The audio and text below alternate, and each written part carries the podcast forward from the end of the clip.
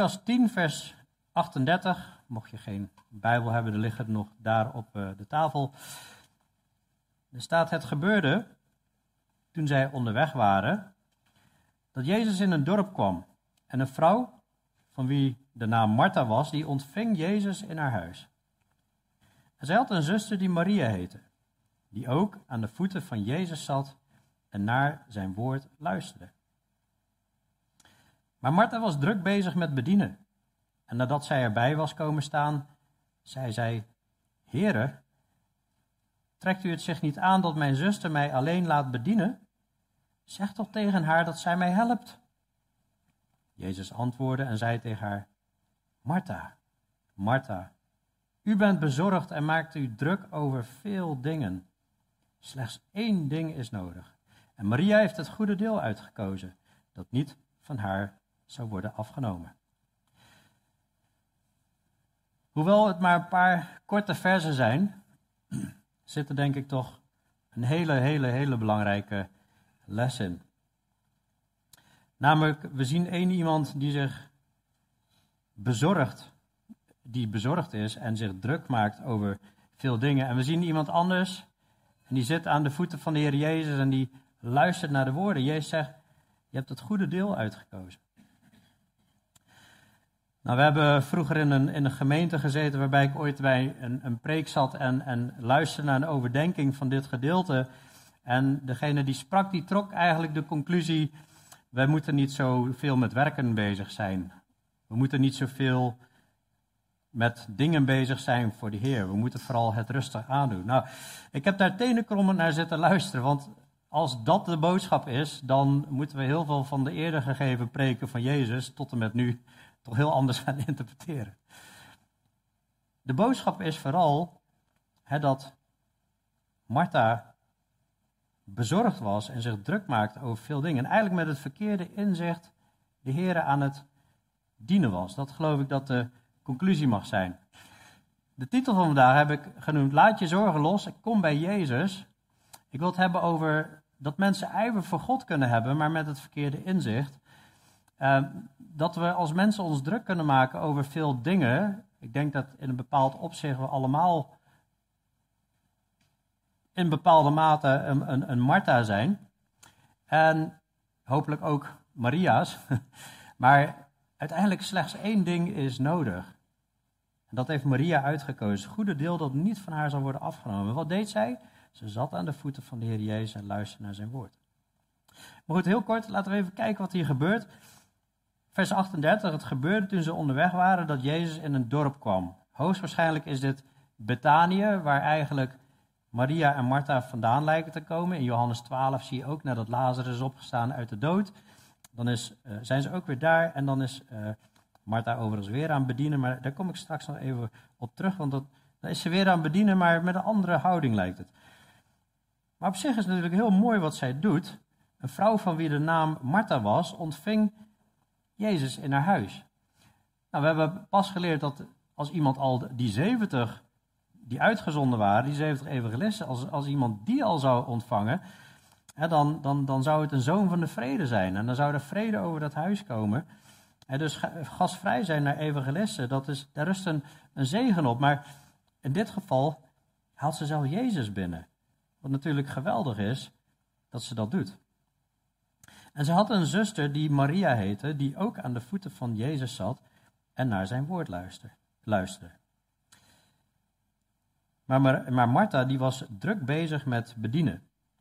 Nou, we weten natuurlijk niet precies wat ze aan doen was, maar het lijkt erop, hè, eh, bedienen van, van, van voedsel. En misschien ja, was ze wel uh, bedden aan het opmaken. En misschien dacht ze wel van, nou dit is zo'n speciale gast, ik, ik, ja, ik moet minimaal een drie gangen menu, maar ik ga eigenlijk voor de vijf gangen menu. Eh, en, en ja, alles moet picobello in orde zijn, want ja, de koning komt langs.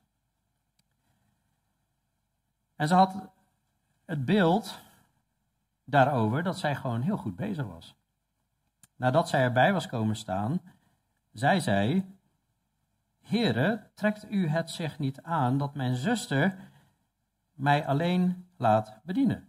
Zat ik ben met het goede bezig. Mijn zus, die laat mij alleen bedienen. Dit is een onrechtvaardige situatie, want ik ben het goede aan het doen. Het is druk en u bent belangrijk. En kom op, zeg er iets van. dat is eigenlijk wat ze zegt.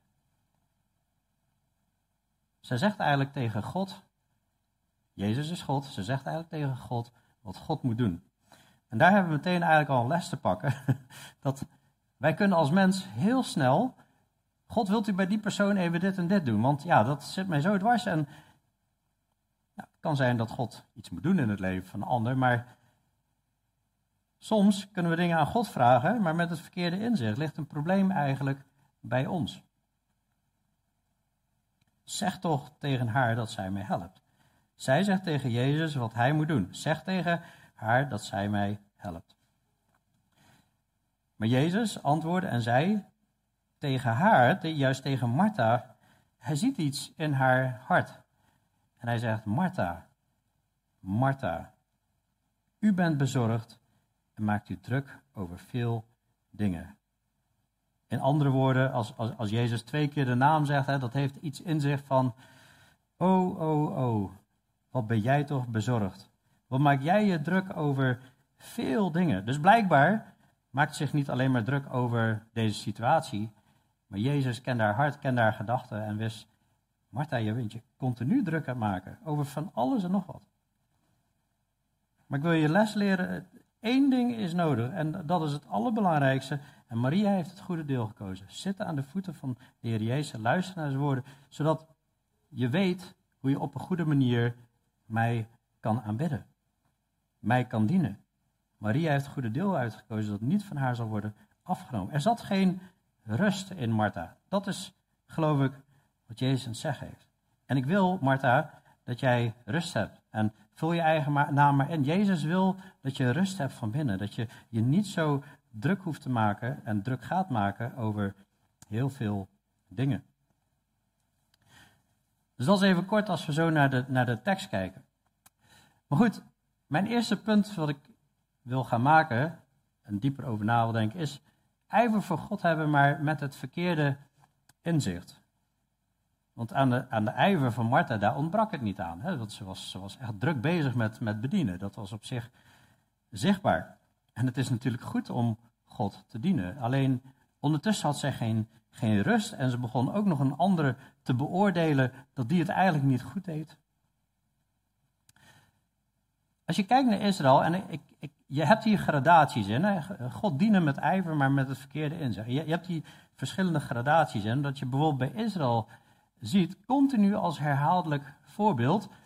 En dan moet Paulus op een gegeven moment concluderen: de Israëlieten, zij hebben ijver voor God, maar niet met het juiste inzicht. Zo erg dat ze eigenlijk de Messias hebben verworpen. Ze hebben eigenlijk God, Jezus, plan, eh, het plan van God over Jezus hebben ze aan de aan de kant gezet. En ze, ze zitten nog steeds in hun, hun religieuze toestand. Maar niet in relatie met God. Dan heeft Paulus het op een gegeven moment ook nog over mensen in de kerk. Mensen in de kerk die rondlopen waarvan hij zegt van sommigen willen leraren van de wet zijn. Maar ze hebben geen inzicht in wat ze zeggen, evenmin in wat ze zo sterk benadrukken. Er zijn mensen die willen van alles en nog wat zeggen en onderwijzen, benadrukken zelfs dingen, maar hebben eigenlijk daar geen inzicht in. Die hebben eigenlijk niet goed schrift met schrift vergeleken. Wat zegt de Bijbel daar nou over? En het is ook niet de enige keer. Hè, Martha die zegt hier tegen Jezus, eigenlijk met, vanwege een verkeerd inzicht, wat hij moet doen.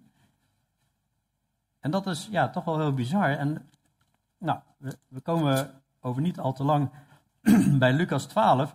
En dan zie je eigenlijk nog iemand die tegen Jezus zegt wat hij moet doen, op basis van zijn eigen inzicht. Dat is een, een, een ja, daar staat een kopje boven, Lucas 12, eh, vers 13. De rijke dwaas. Iemand uit de menigte zei tegen Jezus: Meester, zeg tegen mijn broer dat hij de erfenis met mij moet delen. Maar Jezus zei tegen hem: Mens, wie heeft mij tot rechter of verdeler van een erfenis over u aangesteld? Jezus zei tegen hen: Kijk uit en wees op uw hoede voor de hebzucht. Immers, al heeft iemand overvloed, zijn leven behoort niet tot zijn bezit. Je moet dat stukje maar eens verder lezen, hoe iemand eigenlijk ja, zoveel spullen heeft, een nog grotere schuur bouwt, een nog grotere schuur. En dan wil hij ervan gaan, gaan genieten en dan sterft hij. Jezus kijkt in het hart en die zegt van, ja, jij wil dat ik, jij voelt je onrechtvaardig behandeld. Jij hebt recht op een erfenis. En jij denkt, dit is onrechtvaardig. Heer Jezus, doe daar wat aan. U bent toch rechtvaardig, doe daar wat aan. En toch kijkt Jezus in het hart en zegt, ja, maar je handelt eigenlijk vanuit het verkeerde motief. Dat is eigenlijk bij Martha niet zo heel veel anders. Zij handelt vanuit het verkeerde motief. Zij maakt zich, zij is bezorgd en zij maakt zich druk over veel dingen. En denkt, dienen, dienen, dienen, dienen, dienen, we moeten dienen, dienen. dienen. En zij doet helemaal niks. Terwijl Maria bij God zat en wilde leren van hem. Maar er staat niet dat Maria passief wilde blijven, dat ze dat hebben.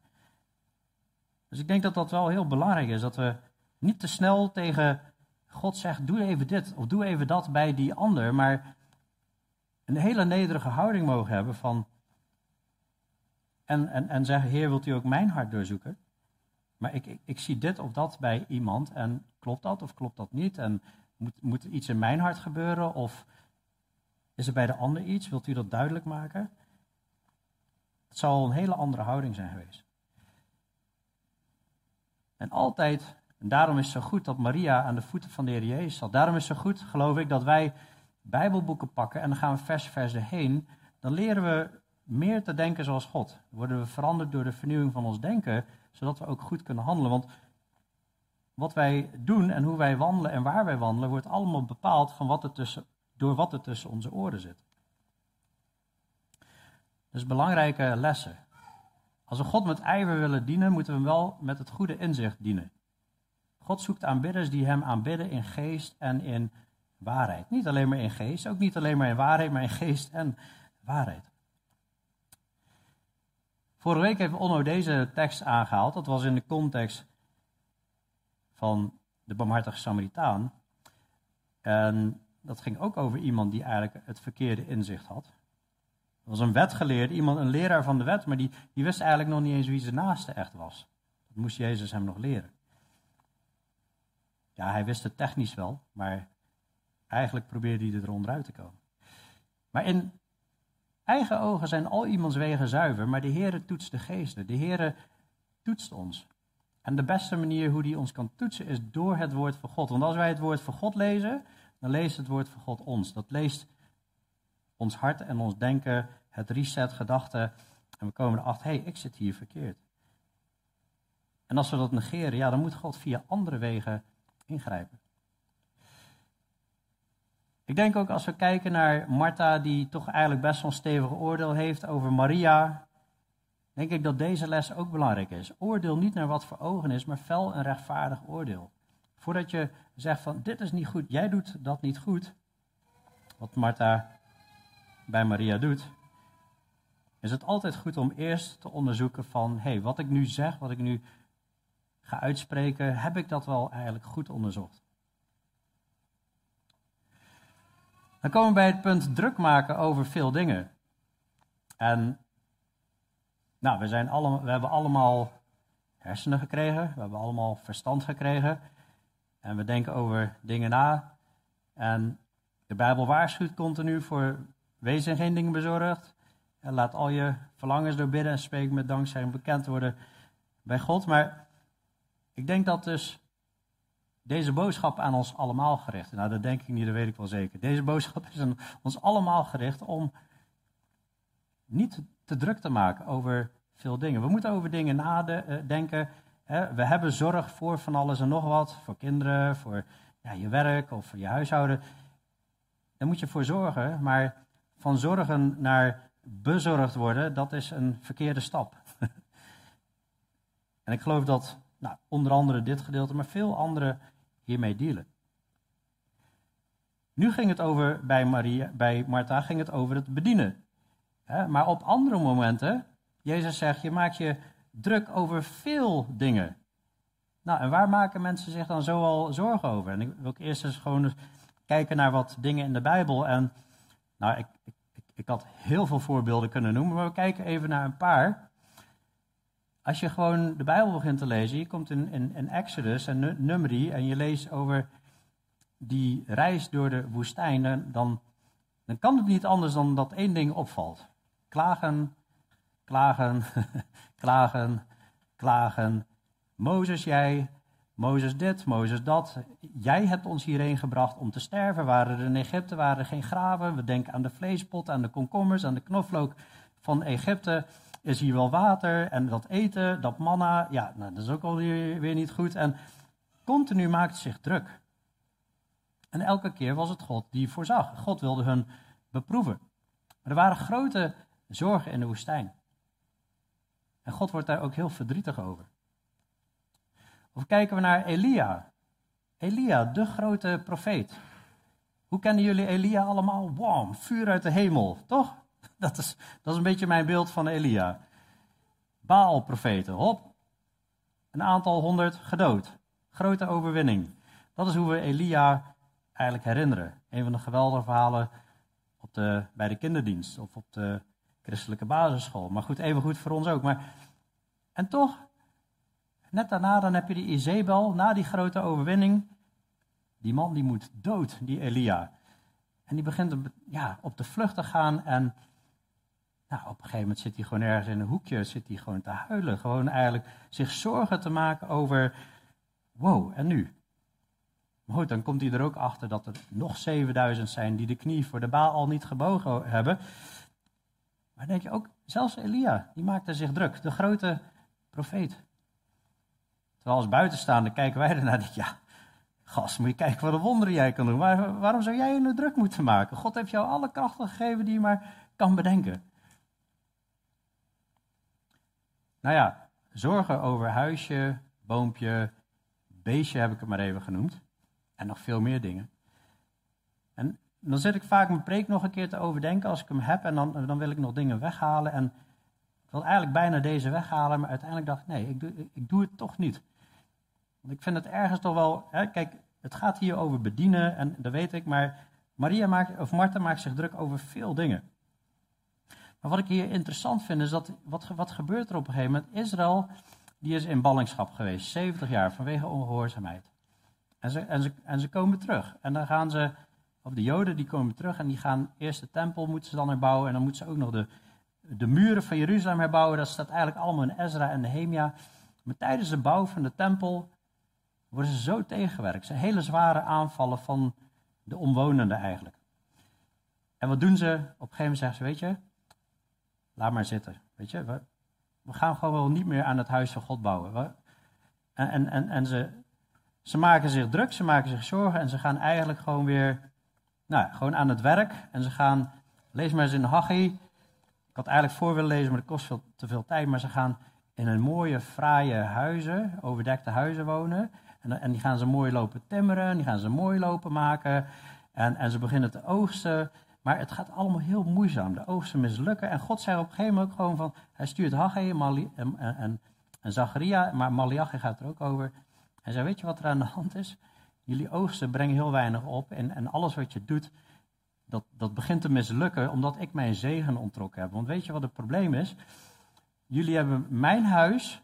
hebben jullie verwoest achtergelaten... maar je bent je eigen huizen wel mooi aan het, aan het bouwen.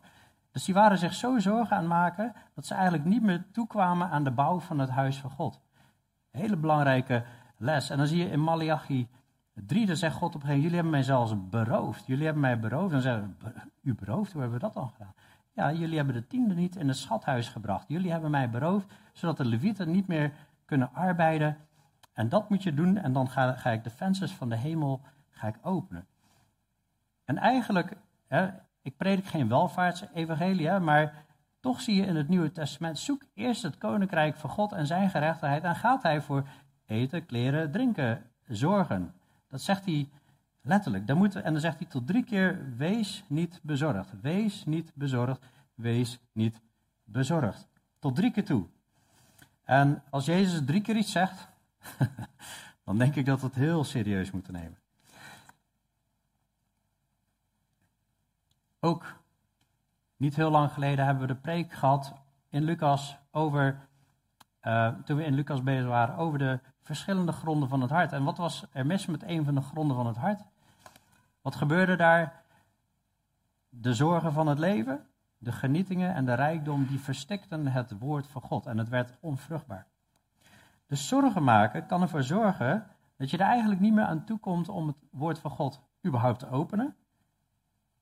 Of anders het, het niet goed tot je te nemen. En ik denk dat dat is waar Jezus voor aan het waarschuwen is hier. Martha, Martha, je bent bezorgd, je maakt je druk over veel dingen.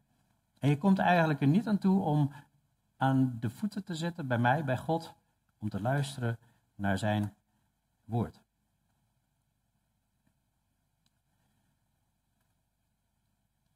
Slechts één ding is nodig. Dat is wat Jezus zegt in vers 42. Slechts één ding is nodig. Maria heeft het goede deel uitgekozen, dat niet van haar zal worden afgenomen. Wat is dat goede ding?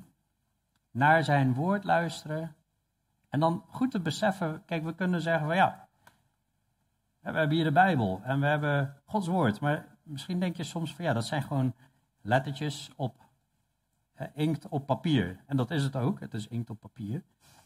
Maar Jezus is het vlees geworden woord van God. In het begin was het woord, het woord was bij God en het woord was God. Het woord is God. Dus wij horen hier Jezus. Jezus is God. Dus als we hier naar kijken, dan is het letterlijk God die spreekt.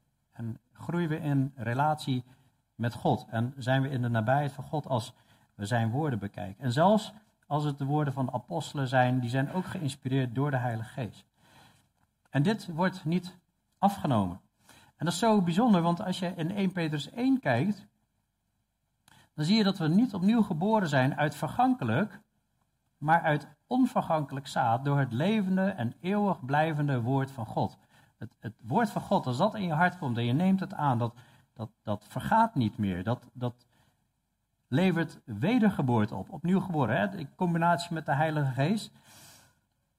Want alle vlees is als gras en al de heerlijkheid van de mens is als een bloem in het gras en het gras is verdord en zijn bloem is afgevallen.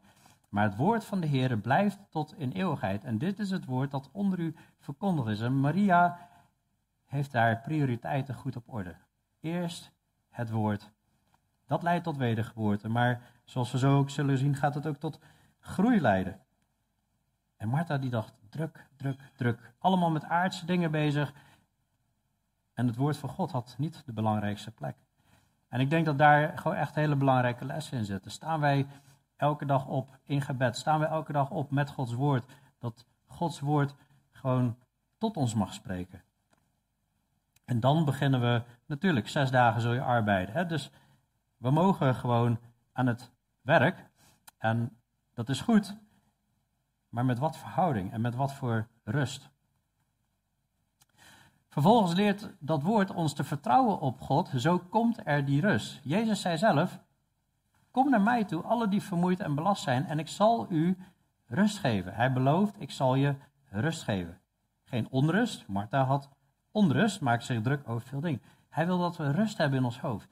Maar hij zegt wel, neem mijn juk op u en leer van mij. Dus we moeten in de leer bij Jezus.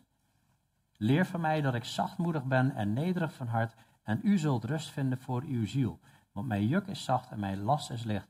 En dat zachtmoedigheid, die zachtmoedigheid en nederigheid, daar zit de les in. Eerst opnieuw geboren worden en dan, want het tegenovergestelde is hardheid. Het tegenovergestelde van zachtmoedigheid is hardheid.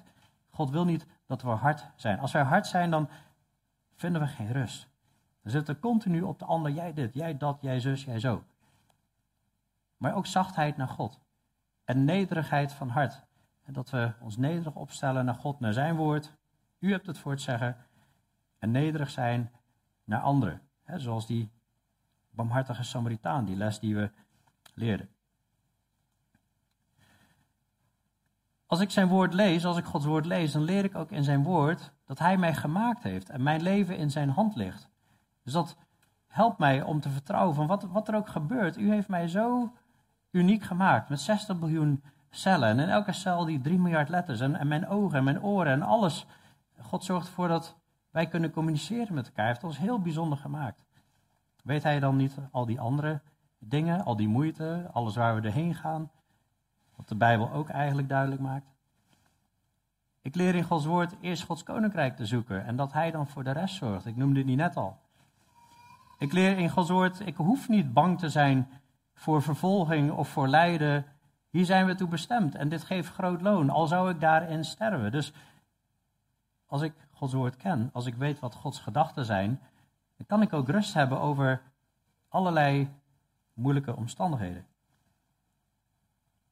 want die rust, dat wil niet zeggen van jij zult niet door moeilijke omstandigheden gaan. Maar het gaat erom, hoe ga jij met die moeilijke omstandigheden om in jouw denken? Leg je dat bij God neer? Ik mag mijn leven in zijn hand leggen en vertrouwen dat hij mij stuurt. Dat is even mijn vrije interpretatie van Spreuken 3, vers 5 en 6, wat zegt: Vertrouw op de Heer met heel je hart en steun op eigen inzichten niet. Ken hem in al je wegen, dan zal hij je paden recht maken. En als ik hem ken in al mijn wegen, dan mag ik er ook op vertrouwen. Ja, het gaat nou zo, het gaat nou zo. Maar ik geloof dat u mijn paden aan het recht maken bent. Ik mag zelfs weten dat God een doel heeft met ziekte. Dat zien we in het verhaal van Job. Dat zien we bij Paulus, die had een doorn in het vlees. Een engel van de Satan die met vuisten sloeg. Drie keer bidt, uh, Paulus dat God het wegneemt. Maar God zegt, mijn genade is u genoeg. Ik wil, hè, eh, hij, hij wilde hem eigenlijk leren nederig te blijven. We leren in Gods woord, werp al uw zorgen op hem, want hij zorgt voor u. Dus wij mogen ons niet eens zorgen maken. Als wij ons zorgen gaan maken, dan zijn we eigenlijk zondig naar God. Martha, Martha, u bent bezorgd en maakt u druk over veel dingen. En dat is nou net niet wat God wil, dat we ons druk maken over veel dingen. Het is ergens menselijk, maar het is ook het vlees wat eigenlijk continu maar overal over wil malen. Maar je hebt in 2 Korinthe 10 vers 5 ook zo'n mooie tekst dat we elke gedachte moeten toetsen. En als het, even in, in mijn eigen woord, als het niet in overeenstemming is met, met Gods wil, dan moeten we het gevangen nemen tot de gehoorzaamheid van Christus. Dus we moeten onze gedachten echt sturen, zegt Paulus. 2 Korinthe 10 vers 5. Nog een tekst, hele bekende, die kan niet ontbreken als we denken over, nadenken over zorgen maken. Wees in geen ding bezorgd. Weer die opdracht, wees in geen ding bezorgd. Als je het dus wel doet, ben je niet God aan het vertrouwen. Maar laat uw verlangens en alles door bidden en smeken, met dankzegging, al dankend, continu bij elk gebed, laat je zorgen bekend worden bij God. En dan die belofte, de vrede van God, die alle begrip te boven gaat, zal uw harten en uw gedachten bewaken in Christus Jezus. En ik heb het vaker gezegd, maar er komt nog een stukje achteraan.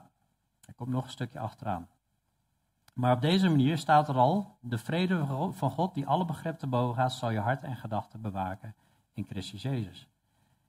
Maar je hebt die, die zorgen, die heb je bij God gebracht. Heer, ik maak me zorgen, ik ben, ik, ik ja, poeh, ja, ik, ik, breng het bij u en ik dank u ook dat u voor mij zorgt. En ik, ik, ik dank u ook dat ja, u een uitkomst gaat geven. En ik bid en ik smeek. Oh, met, ik zit echt heel erg met dit probleem, maar, dus dat, dat breng je bij God. Dan bid je, en dan ben je klaar met bidden. En dan begint die molen weer. Hè? Herkenbaar of niet? Of ben ik, ben, ben ik de enige? Oké, we kennen dat, hè? Dus, maar hij zegt dat we nog iets moeten doen. Verder, broeders, al wat waar is, al wat eerbaar is, al wat rechtvaardig is, al wat rein is, al wat lieflijk is, al wat welluidend is, als er enige deugd is en als er iets prijzenswaardig is, bedenk dat. Wat u ook geleerd en ontvangen en gehoord en in mij gezien hebt, doe dat en de God van de vrede zal met u zijn. Dus hij wil, hij zegt, ja, je moet je zorgen bij God brengen, dat is een, dat is een gebod. Maar tegelijkertijd nu ook gaan werken aan je denken. Door je denken te gaan vervullen met andere dingen. Door je denken te gaan sturen. Ga nou eens dingen bedenken die waar zijn. Misschien heb je allemaal gedachten in je hoofd, maar je weet helemaal niet of ze waar zijn. En dan ga je er, vier dagen over zitten malen. en dan kom je erachter, oh, het was nog niet eens waar ook. Nou, vier dagen tijdverspilling, of niet? Herkenbaar? Ja, bij mij herkenbaar. dus is zo makkelijk, hè, deze preek, want ik, ik, heb, ik heb zoveel voorbeelden in mijn leven. nee, al wat eerbaar is. Hoe vaak denken we wel niet aan allemaal oneerbare dingen? Geeft dat onrust? rechtvaardig is. Bedenk dat. Wat rein is. Ons vlees wil heel veel onreine dingen denken. Bedenk wat rein is. Wat, wat gaat er als we al die dingen doen, ons, ons denken gaan resetten. En ik kan dat alleen maar door en in gebed en elke dag beginnen met Gods woord. Dan staat er een geweldige belofte. En de God van de vrede zal met u zijn. Heel mooi hè? Je gebeden bekendmaken bij God, hè? al die zorgen. En dan staat er de vrede van God zal je hart en je gedachten bewaken. De vrede van God. Die gaat dan heersen in je harten. Maar als we dan ook nog het goede gaan bedenken, dan komt de God van de vrede. Dus bij het eerste deel zegt hij, de vrede van God gaat over je waken, over je harten, je gedachten. En hier zegt hij, de God van de vrede zal met u zijn. God zelf, de God van de vrede zal met u zijn. Nou, ik kan je gewoon garanderen, want Gods woord zegt dat, dan krijg je echt vrede, dan krijg je echt rust, want dan ga je echt berusten in Hem. Er is nog één, je zou er bijna overheen lezen, maar er is nog één ding in vers 42. Er staat slechts één ding is nodig. Maria heeft het goede deel uitgekozen. Je zou, je, je zou kunnen denken, nou, ze heeft een goede keuze gemaakt. Maar ik denk dat hier nog iets specifieks mee bedoeld wordt, met het goede deel. Want ik heb het even zo omschreven, zodat ik het goed verwoord, hopelijk. In het Oude Testament zag men als grootste bezit de band met de Heer. Dat was het grootste bezit wat je kon hebben. En dan werd er eigenlijk gezegd, hè, als, als God je grootste bezit was, de Heer is mijn deel. En ik geloof dat dat echt zo omschreven staat, hè, omdat Maria ook het goede deel heeft uitgekozen. Je ziet dat bijvoorbeeld van in Psalm 73. Wie heb ik behalve u in de hemel? Naast u vind ik nergens vreugde in op de aarde. Bezwijk mijn lichaam en mijn hart, dan is God de rots van mijn hart. En voor eeuwig mijn deel. eigenlijk wil hij daarmee zeggen, voor eeuwig mijn alles. Alles wat ik heb. Psalm 119, dan zie je, het ook. De Heere is mijn deel. Daarmee wil hij zeggen, de Heere is mijn alles. Dat is alles wat ik heb. En ik heb gezegd dat ik uw woorden in acht zal nemen. Ik denk dat Jezus in het hart van Maria kijkt en eigenlijk zegt: Martha, Martha, u bent bezorgd. In het Engels worried, you are worried. Je, maakt je, je zit gewoon continu druk te maken. En je maakt je druk over veel dingen. Druk maken is troubled. Je ziet problemen overal in. Maar slechts één ding is nodig. Dit is wat echt nodig is een relatie met mij hebben. Maria heeft het goede deel uitgekozen. Haar deel is God. Ze heeft een relatie met God en dat gaat haar niet afgenomen worden. Het evangelie is er met als doel dat we een relatie met God kunnen hebben. Dat we vrede met God kunnen hebben, vriendschap met God kunnen hebben. En wat, wat, wat een rijkdom dat wij zijn woord hebben en continu bij hem mogen zitten. Wanneer we het woord openen, dan, dan leert God ons om vrij te komen van de wereld, van het ontaarde geslacht. Jezus zei tegen de Joden die in hem geloofden: Als u in mijn woorden blijft, ben je werkelijk mijn discipelen. Je zult de waarheid kennen en de waarheid zal je vrijmaken. De waarheid zal je vrijmaken van leugens. De waarheid zal je vrijmaken van slavernij. Met de zonde. Slavernij aan weet ik veel wat voor middelen of andere verslavingen. Je zult de waarheid kennen en de waarheid zal je vrijmaken. En, en waarom is dat belangrijk dat je vrij komt van de wereld, zodat je in relatie met God kan leven? Want vriendschap met de wereld is vijandschap met God. Kan niet allebei. God is geest en wie hem aanbidden, moeten hem aanbidden in geest en waarheid. God wil dat ware aanbidders hem aanbidden in geest en waarheid. Dus met het juiste inzicht en hem volledig omarmen. Wat mag jij allemaal weer in Gods handen leggen? En ik noem hier een, een aantal voorbeelden. Maar het kan van alles zijn. Met wie ga ik trouwen? Wat voor opleiding moet ik doen? Waar moet ik wonen? Krijg ik mijn werk wel af? Heb ik wel echte vrienden? Je gezondheid. Overleef ik de inflatie, de energierekeningen? Wat leidt je verder allemaal van God af? Waar maak je je verder zorgen om? Ben je daar zo op gericht? Of noem maar je andere zorgen die je misschien nog hebt. Ben je daar op gericht? Waardoor je eigenlijk niet toekomt aan dat goede deel. En het enige wat echt, echt nodig is. En ik heb hier ook een, een lijstje opgezet van mijn, mijn persoonlijke zorgen die ik bij God moet leggen. En niet omdat ik mijzelf belangrijk vind. Niet omdat ik zoiets heb van, ik wil in de picture staan. Helemaal niet. Het liefst zou ik dit gewoon skippen. Maar ik wil gewoon dat je weet dat ook mensen die langer met de Heer wandelen, ook zorgen hebben. ook als iemand voorganger is of ouderling, hebben we allemaal last van. En bij mij zijn er dingen als onze, onze kinderen opvoeden. Heren, hoe zal dat gaan? Over de jaren kun je heel wat druk om maken, maar ik moet dat in Gods hand leggen. Ik leef zonder een contract. Wat als ik sterf? Hoe moet dat met mijn vrouw en kinderen? daar kun je allemaal heel druk om maken. Maar ja, goed, hoe deed Paulus dat en Mozes en al die andere mensen die voor God leven? Ik kan me zorgen maken over geestelijke levens van mensen binnen en buiten de kerk. Hoe zal dat gaan? Hoe gaat het nu op dit moment? Of gezondheid van mensen om me heen. Of losbandigheid in de wereld en, en allerlei zieke ideologieën die op dit moment rondgaan. Vrijheid van godsdienst, hoe lang, hoe lang zal dat nog duren? Daar kan ik me soms wel eens zorgen om maken. Of vijandigheid of en aanvallen op Gods woord. Of hoe, hoe moet ik balanceren met mijn tijd en energie? Er zijn continu dingen waar ik over nadenk en op momenten merk van, hé, hey, wacht, nou ben ik me zorgen aan het maken. Dit moet ik echt bij God brengen. Dit moet ik echt loslaten, want anders gaat het me helemaal opslokken en dan ben ik met niks anders bezig dan dat en dan krijgt Gods woord geen ruimte meer. En zo ben ik ook continu bezig om mijn zorgen bij God neer te leggen. Want Hij zorgt voor mij. En God is trouw en die laat ook continu zijn trouw zien. Mijn vraag aan jou is, aan ons, kies jij elke dag om te zitten aan de voeten van de Heer Jezus? En dit is wat het dan zal doen met jou. Heel de schrift is door God ingegeven en is nuttig om te onderwijzen, te weerleggen, te verbeteren en op te voeden in rechtvaardigheid, opdat de mens die God toebehoort volmaakt zou zijn tot elk goed werk volkomen toegerust.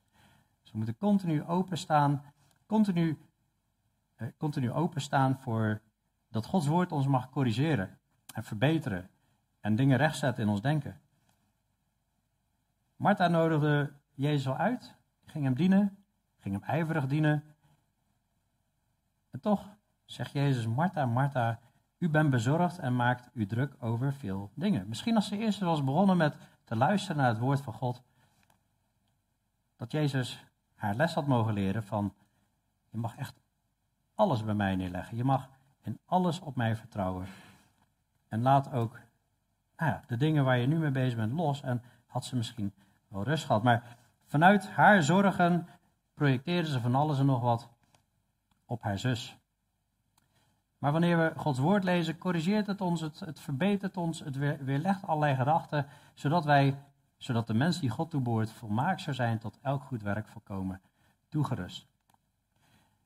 Maar hele, hele belangrijke, eh, heel belangrijk iets wat ik ook wil noemen, is dat zitten aan de voeten van Jezus. Dat betekent niet dat we nooit in actie komen, zoals sommige mensen uit dit gedeelte halen. Want Christus heeft zichzelf voor ons gegeven, staat in Titus 2, vers 14, opdat hij ons zou vrijkopen van alle wetteloosheid en voor zichzelf een eigen volk zou reinigen, ijverig in goede werken.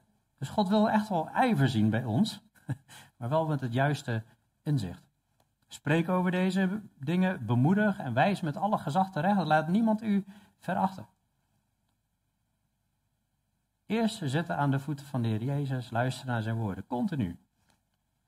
En dan zien we wat God voor ogen heeft, wat we gaan doen, zodat we met het juiste inzicht mogen dienen, zodat we ook met het juiste inzicht naar elkaar mogen kijken. En niet te snel conclusies trekken. En ik wil eindigen met gewoon het besef dat Jezus is het goede deel. Jezus is alles wat we nodig hebben. Maar is dat voor jou ook? Dat Jezus het enige is wat je nodig hebt. Dat je dat beseft en dat je dat zoekt. Want straks komt Hij eraan. Hij die van deze dingen, getuigt, uh, hij die van deze dingen getuigt, dit zijn de laatste versen van de Bijbel, die zegt, ja, ik kom spoedig. De Heere zegt, Jezus zegt, ja, ik kom spoedig. Amen. En wat mogen wij daarop reageren? Ja, Kom, Heer Jezus. Verlang jij ook naar de Heer Jezus, naar dat deel, dat de Heer jouw deel is. Alles wat je wil, alles wat je nodig hebt. Dat in Hem rust te vinden is en troost. Straks, eigenlijk nu al, maar straks in de eeuwigheid in volmaaktheid. En dan eindigt de Bijbel met de genade van onze Heer Jezus Christus. Zij met u allen. Amen. Nou, als Gods genade met ons is, wat, wat, waar kunnen we ons dan druk over maken? Gods genade is met ons. Het eeuwige leven. Jezus is in ons midden. Waar twee of drie samen zijn in zijn naam, is hij in het midden. Zullen we bidden?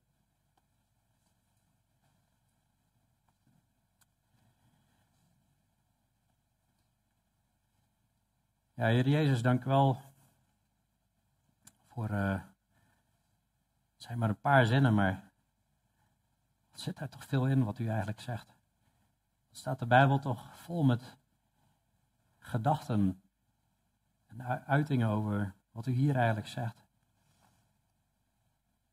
Heer, uh, wilt u ons helpen, Heer, dat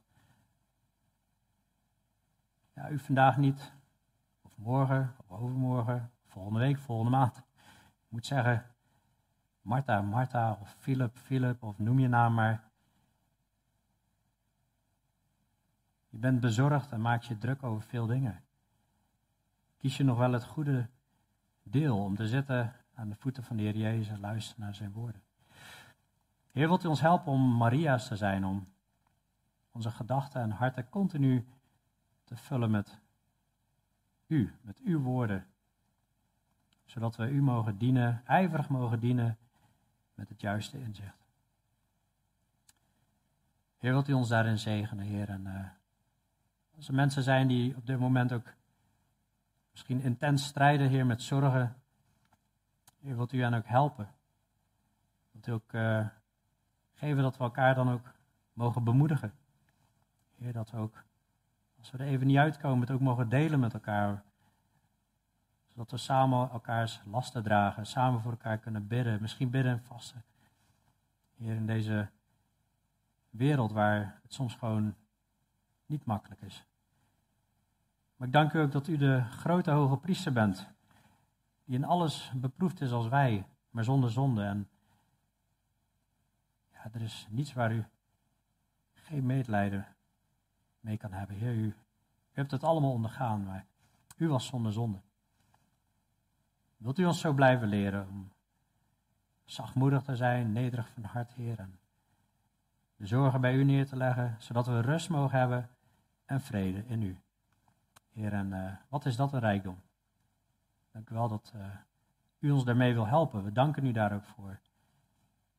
We ook leerden dat we onze gebeden met dankzegging bekendmaken. Heer, wat u uh, ja, ons zo zegenen. En dank u wel dat uw genade, Heer Jezus, bij ons is. En uh, ja, wat wensen, wat wensen we eigenlijk nog meer?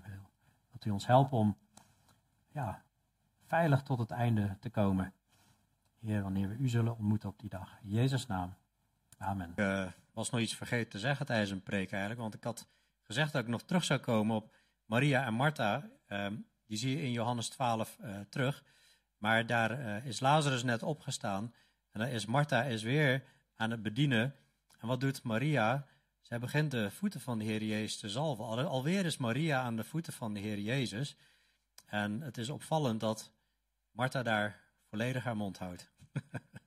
In ieder geval, en anders staat het niet opgeschreven. Dus ja, ze heeft er waarschijnlijk toch wel van geleerd. Dus uh, ja, laten wij daar ook van leren, van uh, waar zij van geleerd heeft. En uh, nou, God zegen voor deze week en ga met God.